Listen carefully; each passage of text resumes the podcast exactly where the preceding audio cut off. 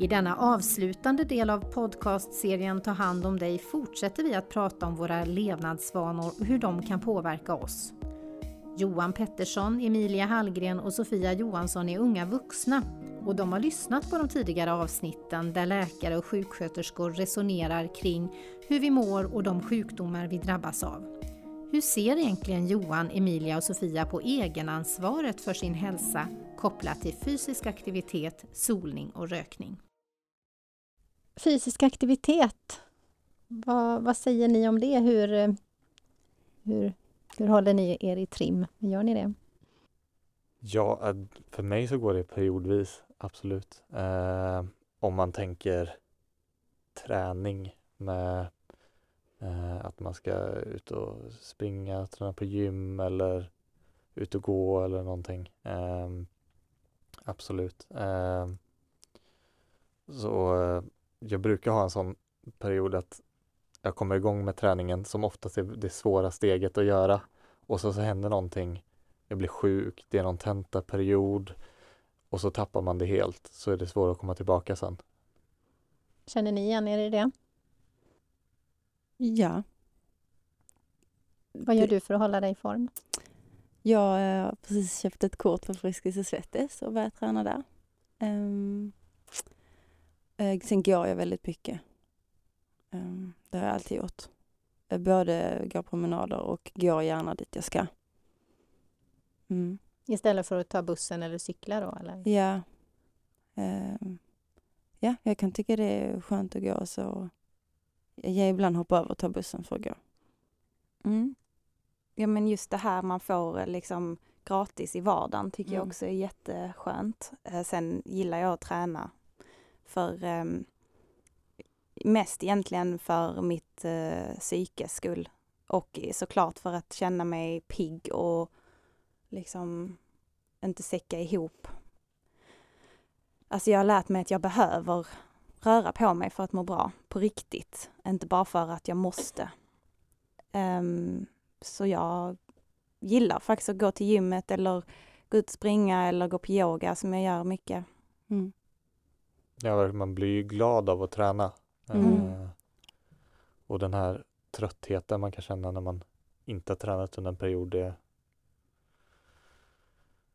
uh, ja. Är det en speciell trötthet? Den är speciellt ja men ibland när jag går hem från gymmet så kan jag verkligen känna att alltså jag skulle kunna klara vad som helst. Ja. Alltså jag har så mycket energi. Mm. Och det är ett rätt lätt sätt att få energi på tycker jag ändå. Ja. Verkligen. Verkligen. Mm. Men absolut den här vardagsmotionen är nästan den viktigaste. Eh, att man istället för att ta bussen eller så går, cyklar till jobbet, skolan, Mm. Eh, ta trapporna istället för hissen och att det inte ska vara något som man tycker är jobbigt. Av det ni berättar här så låter det inte som det är några problem för er i alla fall att komma upp i den här rekommendationen om att röra sig 150 minuter i veckan. Det är lätt med vardagsmotionen. Ja, mm. verkligen. Mm. Om man yeah. tar den på allvar och verkligen går eller cyklar eller rör yeah. på sig. Mm. Så, så tror inte att det är några problem alls. Vad är de största hindren för att leva ett fysiskt aktivt liv som ung idag? Eh, det, det, är nog bara att ta, eh, ta steget utanför dörren och liksom ta tag i träningen. För det är så lätt att bara ligga kvar i soffan och sängen och att det är skönt att ligga kvar där och det är jobbigt att ta på sig träningskläderna och gå till gymmet eller gå ut och gå och springa. Det, det är nog det största steget att, att ta mentalt. Mm. Ja, jag tror också att eh, det tempot som vi, inte alla, men många lever i, gör att man också har ett väldigt stort behov av att också återhämta sig. Jag tror inte mest fysiskt utan framförallt mentalt. Och sen också det här med bara att skapa en vana. Um, mm. Att bryta en vana kan vara svårt också. Mm. Ja, och det kan ju vara en van, vanan att till exempel eh, ja, planera in 16 grejer på en vecka. Mm. Ja, men just det här med att man sätter lite för höga krav och lite för höga mål som inte ens är uppnåeliga. Det gör så att det till slut inte händer någonting. Um, och sen tror jag att man får så himla mycket um, till sig via sociala medier där det är liksom bilder och videos och allt möjligt på um, människor som tränar mycket och jag vet inte om det bara är liksom inspirerande. Eller om det kanske också är att det, då känner man sig kanske dålig och jag vet inte, det är till och med så att jag kan, om jag så kollar på någon så träningsvideo på Instagram, det, det kan nästan kännas som att jag faktiskt har tränat. Och det är inte heller, alltså då händer ingenting. Nej, och sen är det också den tidsaspekten där. Mm. Att uh, du ska ha tid att kolla på andra som tränar. Exakt, sociala och, vad gör, medier. och vad ger det Och vad dig? de lagar för middag och vad de gör. Där finns också mycket tid att hämta. Och det är inte heller så vilsamt för hjärnan utan då känns det som man, man helt plötsligt både bakat kladdkakor och varit på gymmet och ja. nej, men man lever sig in i det man ser liksom. Och det som... Utan att leva sitt eget liv. Mm. Ja, Mm. Det är ju en väldigt deppig spiral, liksom, tänker jag. Att det är, där är det kanske bra att bryta den vanan. Att lägga ifrån sig mobilen eller datorn. Mm. Ja, absolut. Och sen de här bilderna tror jag också kan vara, eh, även fast det kan vara inspirerande för många, men även avskräckande. Att jag, man har känslan jag kommer aldrig kunna nå upp till det, den nivån de som lägger upp, som är väldigt vältränade, lägger upp bilder på när de tränar och så. Utan jag tror det viktigaste är att sätta upp, försöka sätta upp egna mål eh, som man själv känner sig bekväm med i att det här kan jag nå och sen utgå därifrån. Mm. Eh, och gärna liksom som de sa i, i avsnittet också ta med, en- ta med en kompis och träna tillsammans och få det som en rolig, rolig grej samtidigt. Mm. Det tror jag är det, det viktigaste. Så det är mycket idealiserande i sociala medier, det är det perfekta. Mm. Ja, absolut. Det är, det är sällan man ser, eh, tycker jag, en, eh, att man ligger i soffan och tar det lugnt och äter, äter chips. Mm, Det är mycket mer, här är jag på gymmet och, och tränar och jag dricker eh, så här, eh, vad heter det? Ja, vad heter de där som smakar ananas? Ja, Nocco. Nocco. Nocco. Nocco är livet. Ja, Är pulver Nej, jag vet inte, jag har inte smakat. Men där är det också en sån grej, man kan göra en rätt enkel sak och det är att rensa i sitt flöde. Liksom vad vill jag se? Vad blir jag inspirerad av? Vad blir jag bara trött av? Det är inte så jätte, alltså det är en ganska enkel grej, har jag märkt. Och vad är det du blir trött av? Vad blir jag trött av? Jag menar att eh, få syn på saker som jag någonstans vet inte är sant. Att det här är liksom, det här är en, eh, en, en bild av en person som inte stämmer överens med verkligheten. Det finns ju en person eh, som har skrivit, jag kommer inte riktigt ihåg författarens namn just nu, men som har skrivit en bok som heter Uppmärksamhetssamhället. Och eh, den handlar om att eh, den bilden du presenterar dig själv på nätet har blivit viktigare än den du är i verkligheten. Så vi går omkring och lurar varandra och oss själva hela tiden. Ja, det menar den författaren. Ja, men jag Mm. tänker att om, om man har, tar en bild på sig själv som är helt perfekt i helt perfekt ljus, som är liksom filter och fixar till den, då får man en bild av okej, det där är mitt bästa jag, det, så där ser jag ut. Men det gör man inte. Och det blir också skevt för att liksom vad händer med självkänslan då? Om man aldrig kan bli det här som man själv framställer sig som. Ja, och sen har, finns det en viktig aspekt där också i det här med utseende. Um, uh, jag skulle nog tro att många personer skulle svara att de var emot utseendefixering. Men eh, alla de personerna skulle säkert samtidigt kommentera andras utseende och tro att när de kommenterar det i positiv bemärkning så bidrar de inte till utseendefixering. Men det är exakt det som händer. Så fort någonting uppmärksammas och kommenteras Mm, och bekräftas. så fixeras, fixerar man fokus vid det oavsett om det är positivt och dåligt. Någonting som ni tar med er om fysisk aktivitet, något som ni vill avsluta med? Ja, att röra på sig och träna på sig um, är ett väldigt bra verktyg för att kunna hantera det informationsflödet som vi utsätts för. Och eftersom det också frisätts så mycket belönings, ja, ämnen som är involverade i belöningssystemet så är det också en bra investering som motverkar psykisk ohälsa. Um, mm. Så för att må bra i detta samhället så är det extra viktigt att röra sig. Ja, och se det som eh, ens egen stund, liksom det här är en stund för mig själv, det här, eh, nu är jag, liksom det är self-love, jag ger detta till mig själv.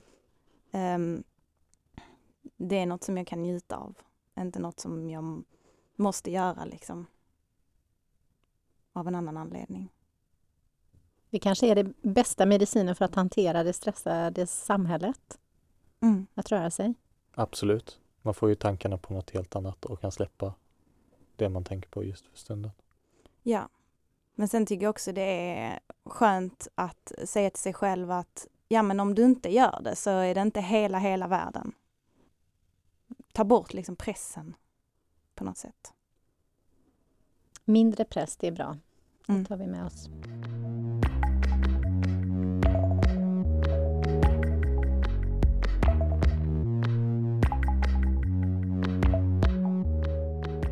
Ni har lyssnat på ett program om rökning också. Där sägs det ju att rökningen minskar bland unga men fortfarande så är det en tredjedel av alla gymnasister som röker. Eh, blir ni förvånade över att det är så vanligt fortfarande? Kanske inte förvånad men jag har funderat på det här ett tag. När man är ute på stan ser man, eller på offentliga platser överlag, det är inte, jag ser inte man går som för tio år sedan att det är fler som går och röker bara spontant utan det är mer vid eh, eh, när man träffar, alltså man sitter och pratar och sånt. Det är inte så att jag går och tar en rökpaus. Det tycker jag har gått minskat extremt mycket. Mm. Eh, I alla fall vad, jag, vad man ser offentligt. Vad säger du Emilia? Jag säger att det, det här med gymnasisterna, att med tanke på det vi pratade om innan och eh, den eh, stressnivån som jag ändå skulle säga finns eh, i människors kroppar och huvuden i vårt samhälle. Ja, alltså cigaretter är ju någonting som människor kan uppleva att de blir lugna av. Så därför är det inte förvånande. Så också att den åldersgruppen där det händer mycket i övrigt i livet också, att de ändå um, fastnar för det. Du menar att eh, rökning blir ett sätt att hantera stress och... Ja, alltså kanske inte ett medvetet sånt eh, sätt, men att det ändå, ja, att det, om de testar att det ändå känns bra då. Kanske de inte tänker mer på varför och tänker också att jag är så ung och jag behöver inte röka hela livet men jag gör det nu. Där, där finns också en aspekt av det. Och så. så det kan mm. jag ändå förstå, att det blir så. Ja, men vad, vad är det för, det kan jag bli lite nyfiken på sådär då när man, man ser unga så tänker man, oh, vet de inte att det är farligt? Jo, jag hade inte tagit en cigarett innan jag var 18. För jag ville visa att jag inte blev påverkad av grupptryck. Och um, sen, uh, ja, Sen feströkte jag väl lite sådär, men inget så. Sen tänkte jag bara för typ fem år sedan att jag behöver inte ens feströka. Nej, så jag rökte ju inte en cigarett. Sen um,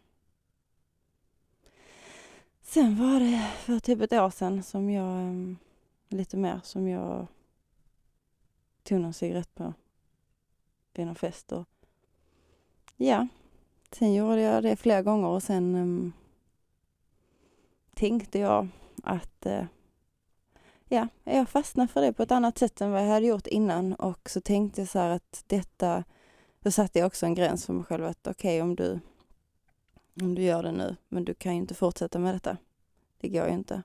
Och så tänkte jag också lite så dumt som jag knappt vågar säga, men att jag tänkte att du har varit så pass rökfri i ditt liv att du har nog råd med detta. Om vi tänker statistiskt på vilka effekter som brukar bli efter hur många år. Så då har ni råd med några månader, även om inte det alls är bra. Så tänkte jag. Och sen blev jag ju beroende och då hade jag ju det att tampas mot. Um, men det är också att jag tycker att jag är ganska så bestämd som person så jag kan jag brukar kunna liksom ändå säga, bestämma mig för något och så brukar jag göra det. Men det har inte... Det har varit lite, det har varit lite jobbigt att förstå det att usch, jag beter mig som alla andra som försöker sluta röka. Jag kunde inte det så lätt. Jag hade räknat med att jag skulle kunna det.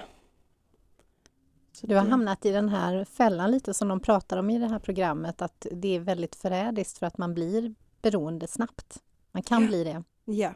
Uh, ja, nej så det är väldigt uh, sorgligt. Uh. Hur tänkte du när du lyssnade på det här avsnittet? Ja.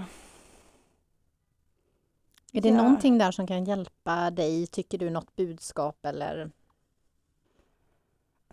Ja, alltså. Jag vet inte men um, Alltså det är ju det är ju inte, det är ju inte någon omöjlig sak och det är väl mer det att det finns personer som berättar att de har rökt i många år och sen slutar de och det är väl just det att jag vill inte vara den personen som det går så långt för det är kanske då också man börjar bli riktigt rädd på riktigt och förstå hälsoriskerna och ta det på riktigt stort allvar. Um, mm. Vilka budskap tror ni biter om man tänker på unga om man pratar om rökning? Är det cancerrisken om 30 eh, år eller är det hur man ser ut, att man kanske får lite mindre skimrande hy eller? Ja, jag tror att det handlar mycket om att det är utseendet, alltså att det är en faktor som på riktigt oroar eh, unga. Att eh, man vet liksom att tänderna blir gulare, eh, huden liksom åldras eh, och som du säger kanske inte har lika mycket lyster. Um, och att just utseende aspekten är, är liksom kraftfull. Då är det ju något bra med det i det fallet i så fall. Ja. Om det nu biter, jag vet inte. På mig gjorde det det. När jag var yngre i alla fall. Att du inte började röka? Ja, men att det var en anledning till att jag inte ville göra det. Mer det än att du kanske kan bli sjuk? Mm, för att jag som ung känner man väl sig kanske lite odödlig också. Alltså så här, ja men det är sen, det är sen liksom, jag blir sjuk. Um, så, jo men det är klart alltså, man har ju, alltså just det här lungcancer och sånt där, det är man ju också rädd för, så det kan man inte blunda för.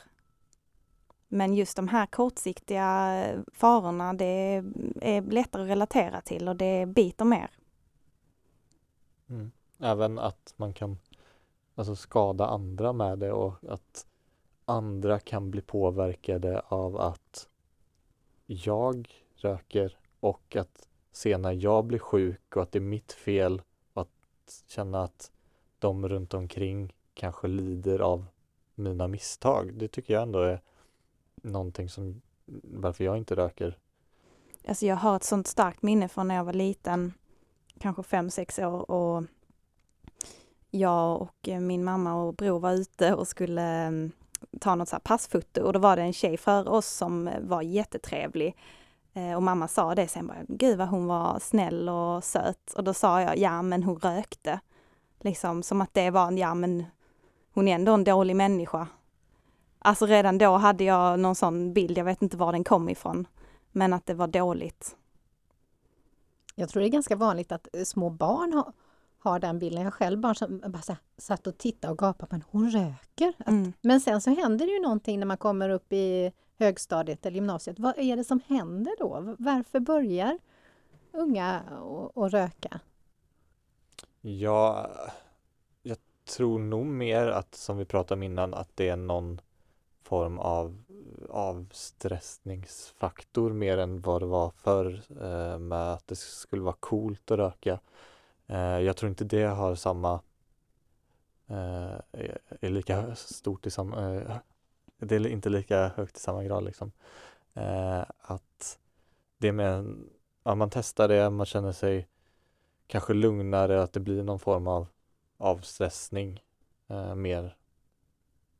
mer, mer att man kanske Det är inte alltid uppstå- tuffa, det är inte tuffa Nej. gänget som röker? Eller? Nej, samtidigt kanske det också, men det är inte därför Jo, många... jag tror det lever Mm. kvar. Du det- tror, du ja. tror det? Jag ser många coola gäng i väldigt unga åldrar där folk står och röker. Mm. Oh ja.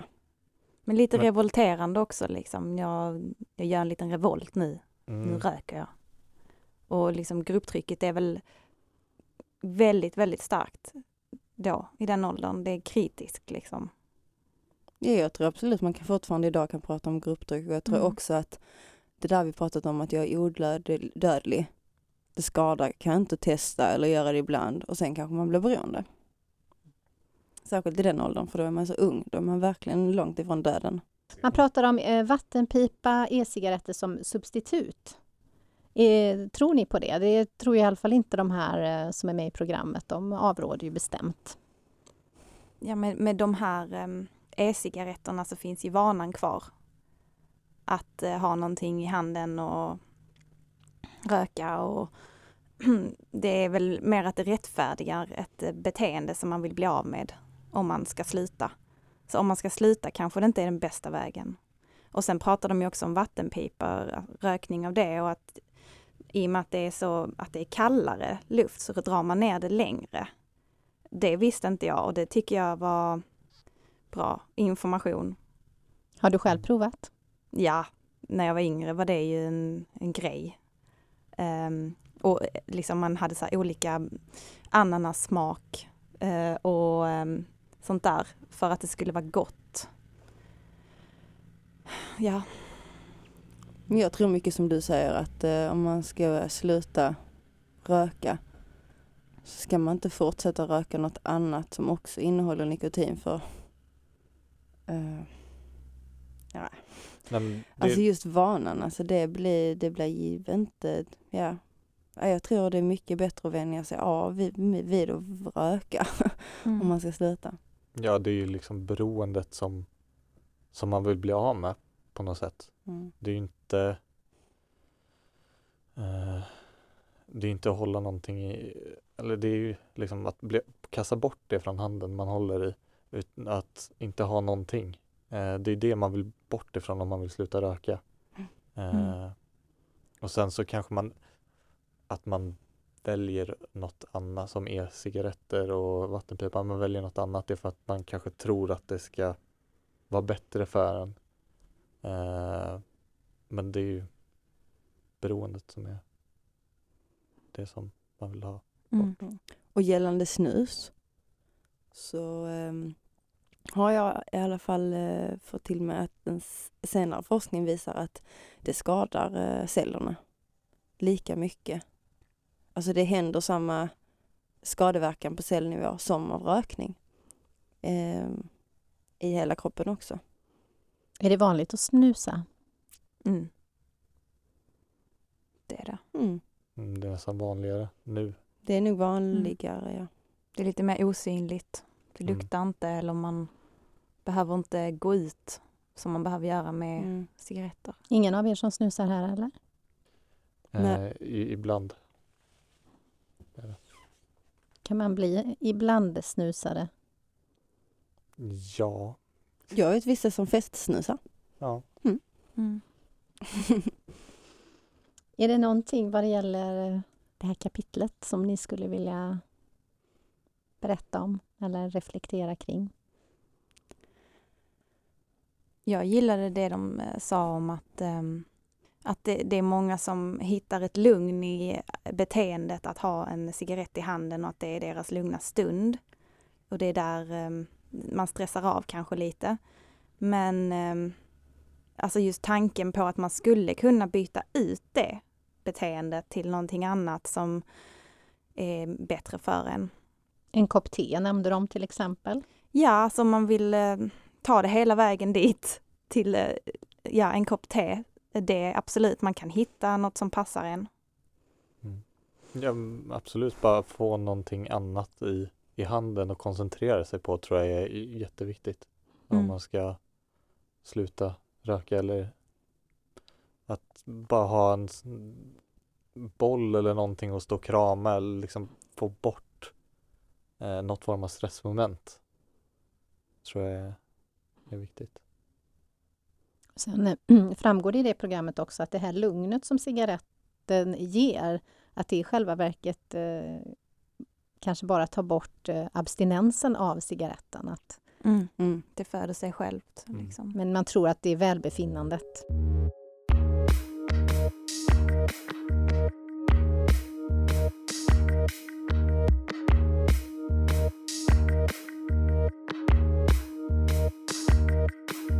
Eh, solning. Eh, solning och solarier var ju otroligt populärt när ni var riktigt små. Men det verkar som att man fortfarande solar väldigt mycket och ska vara brun. Eller vad är det för ideal? Ja, både och. Jag tror att det också finns en... Eh, I och med att det, det är så, liksom, människor är rätt så kanske upplysta om att det är farligt att sola och det har effekter liksom, som är skadliga, så är det väl eh, mer okej att inte sola nu för tiden. Att eh, inte gå runt och vara brunast och att det inte är målet. Ja, precis. Det finns ju en statusskillnad i hur brun man är. Vad är hög status? Ehm, jag skulle nog säga bara att statusen för att vara brun har minskat eftersom att människor är så medvetna om att det finns också skadliga effekter. Eh, sen kan det finnas en status i att det är fint att ha färg och vara brun. Men eh, nej, jag upplever också att det inte finns samma liksom ja, någon sån jättestor fixering vid eh, att sola mycket. Men däremot så kan jag ändå uppleva att det kanske att man ändå vill ha, alltså människor sminkar sig ju för att få färg så att man ändå vill ha färg men mm. Hur, hur gör ni? Solar ni mycket? Och... Mm. Ja, det är ja, relativt mycket skulle jag säga. Eh, I Sverige nu kanske det inte är, har varit, eh, om vi tänker just i år, de bästa somrarna. Men eh, är man utomlands och så, så absolut, det är någonting man ser fram emot och bara ligga och koppla av i solen en stund. Mm. Jag upplevde nu i somras att jag inte kände samma press av att liksom så här fånga soldagen som jag har gjort innan. Mm. Och det gjorde mig väldigt glad. För ehm, ja, att det inte är viktigt att jag måste liksom fånga alla soltimmar. Utan att jag kan ligga inomhus med eh, gardinerna liksom för fönstret om jag vill. Mm. Mm. Ja, nej jag solar för att det liksom när det är så, alltså, för att det ska vara skönt och så. Med eller utan solskyddsfaktor? Mm. Jag brukar faktiskt inte ha solskyddsfaktor heller. Alltså, Hudcancer är ju den cancerform som ökar mest i Sverige. Är det något som bekymrar er? Som ni tänker på när solen är framme? mm. Mm. Nej. Eller det är klart det bekymrar en men det är inget som jag går och tänker på så fort solen skiner. Eh, och inte när jag solar heller utan det kanske, man tänker på det när det uppmärksammas och man hör det.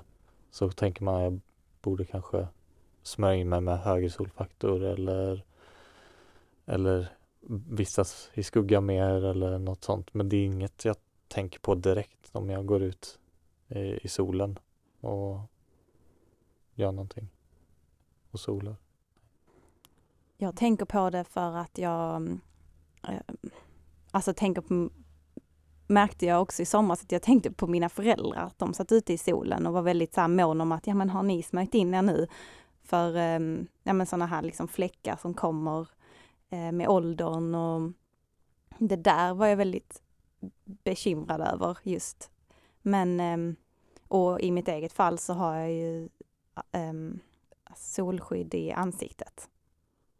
För också just den här utseende aspekten man vet om.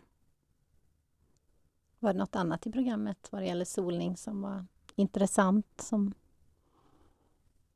Mm. Något var det. Och så sitta i, alltså om det är varmt så är det skönt att vara i skuggan. Ja. Det tycker jag. Alltså på det sättet tycker inte jag det är så problematiskt. Att man kan vara lite i solen och sen blir det ju ofta för varmt och för ljust för ögonen också. Um, jag tänker lite mer så att istället för att sätta på mig glas, solglasögon och smörja in hela kroppen och sitta kvar så bara är jag som jag är. Och när jag känner att det blir för ljust och för varmt så går jag i skuggan. Ja, eh, nu har vi pratat om alla de här olika teman. Det finns en sak som jag fastnar för som en av de här läkarna säger och det handlar om det här med eh, gener, att man kan eh, ha bra eller dåliga kort. Man kan ha bra eller dåliga gener. Och man kan ha dåliga kort eller gener men spela dem väldigt bra. Och man kan också då tvärtom, om man har alla förutsättningar, påverka sin hälsa negativt.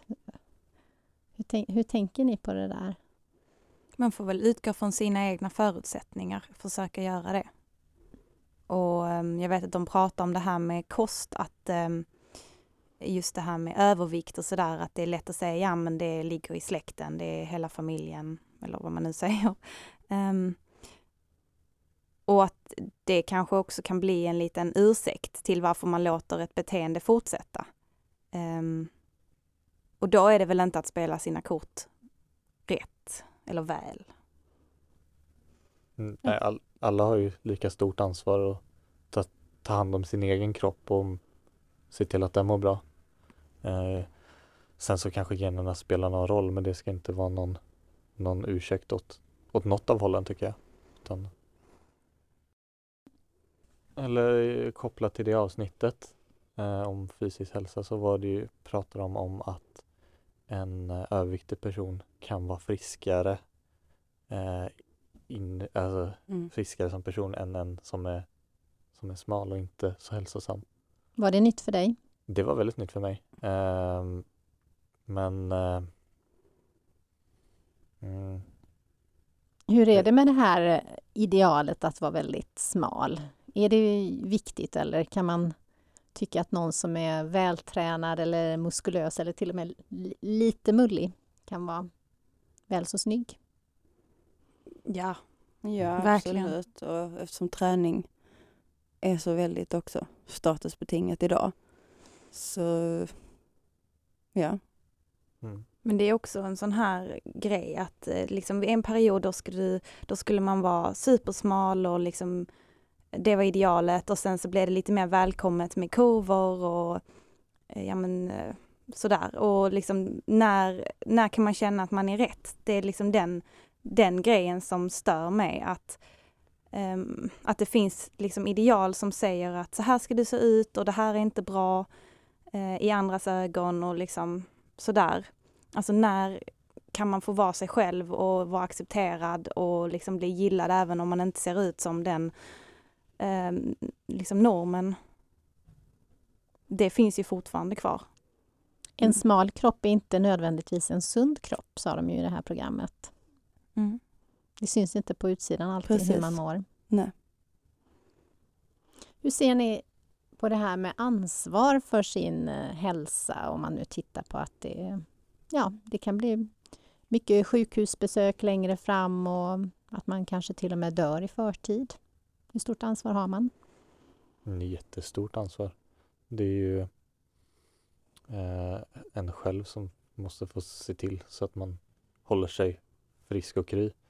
Eh, och samtidigt så självklart så ska ju de runt omkring eh, själv att må bra. Inte eh, kanske att de ska lägga kommentarer på hur jag ser ut utan mer att jag som person mår bra och lever ett hälsosamt liv. Jag skulle säga att alla val som en människa gör bär den 100% ansvar för. Sen kan man påverkas mycket av sin omgivning. Så det kan finnas förklaringar också som ligger i omgivningen till varför en person gör vissa val, men man bär alltid 100% ansvar ändå, för det är ingen annan som har gjort valet. Tack för att ni kom hit, eh, Sofia Johansson, Emilia Hallgren och Johan Pettersson. i den här podden där vi har lyssnat och diskuterat de här tidigare avsnitten som handlat om rökning, alkohol, fysisk aktivitet, mat och solning. Och tack för att ni har lyssnat. Tack så jättemycket. Tack. Tack för att vi fick komma. Det var jätteroligt att vara med. Mer tips om vad du kan göra för att påverka din hälsa i positiv riktning finns på 1177.se och där finns också de här tidigare poddavsnitten samlade.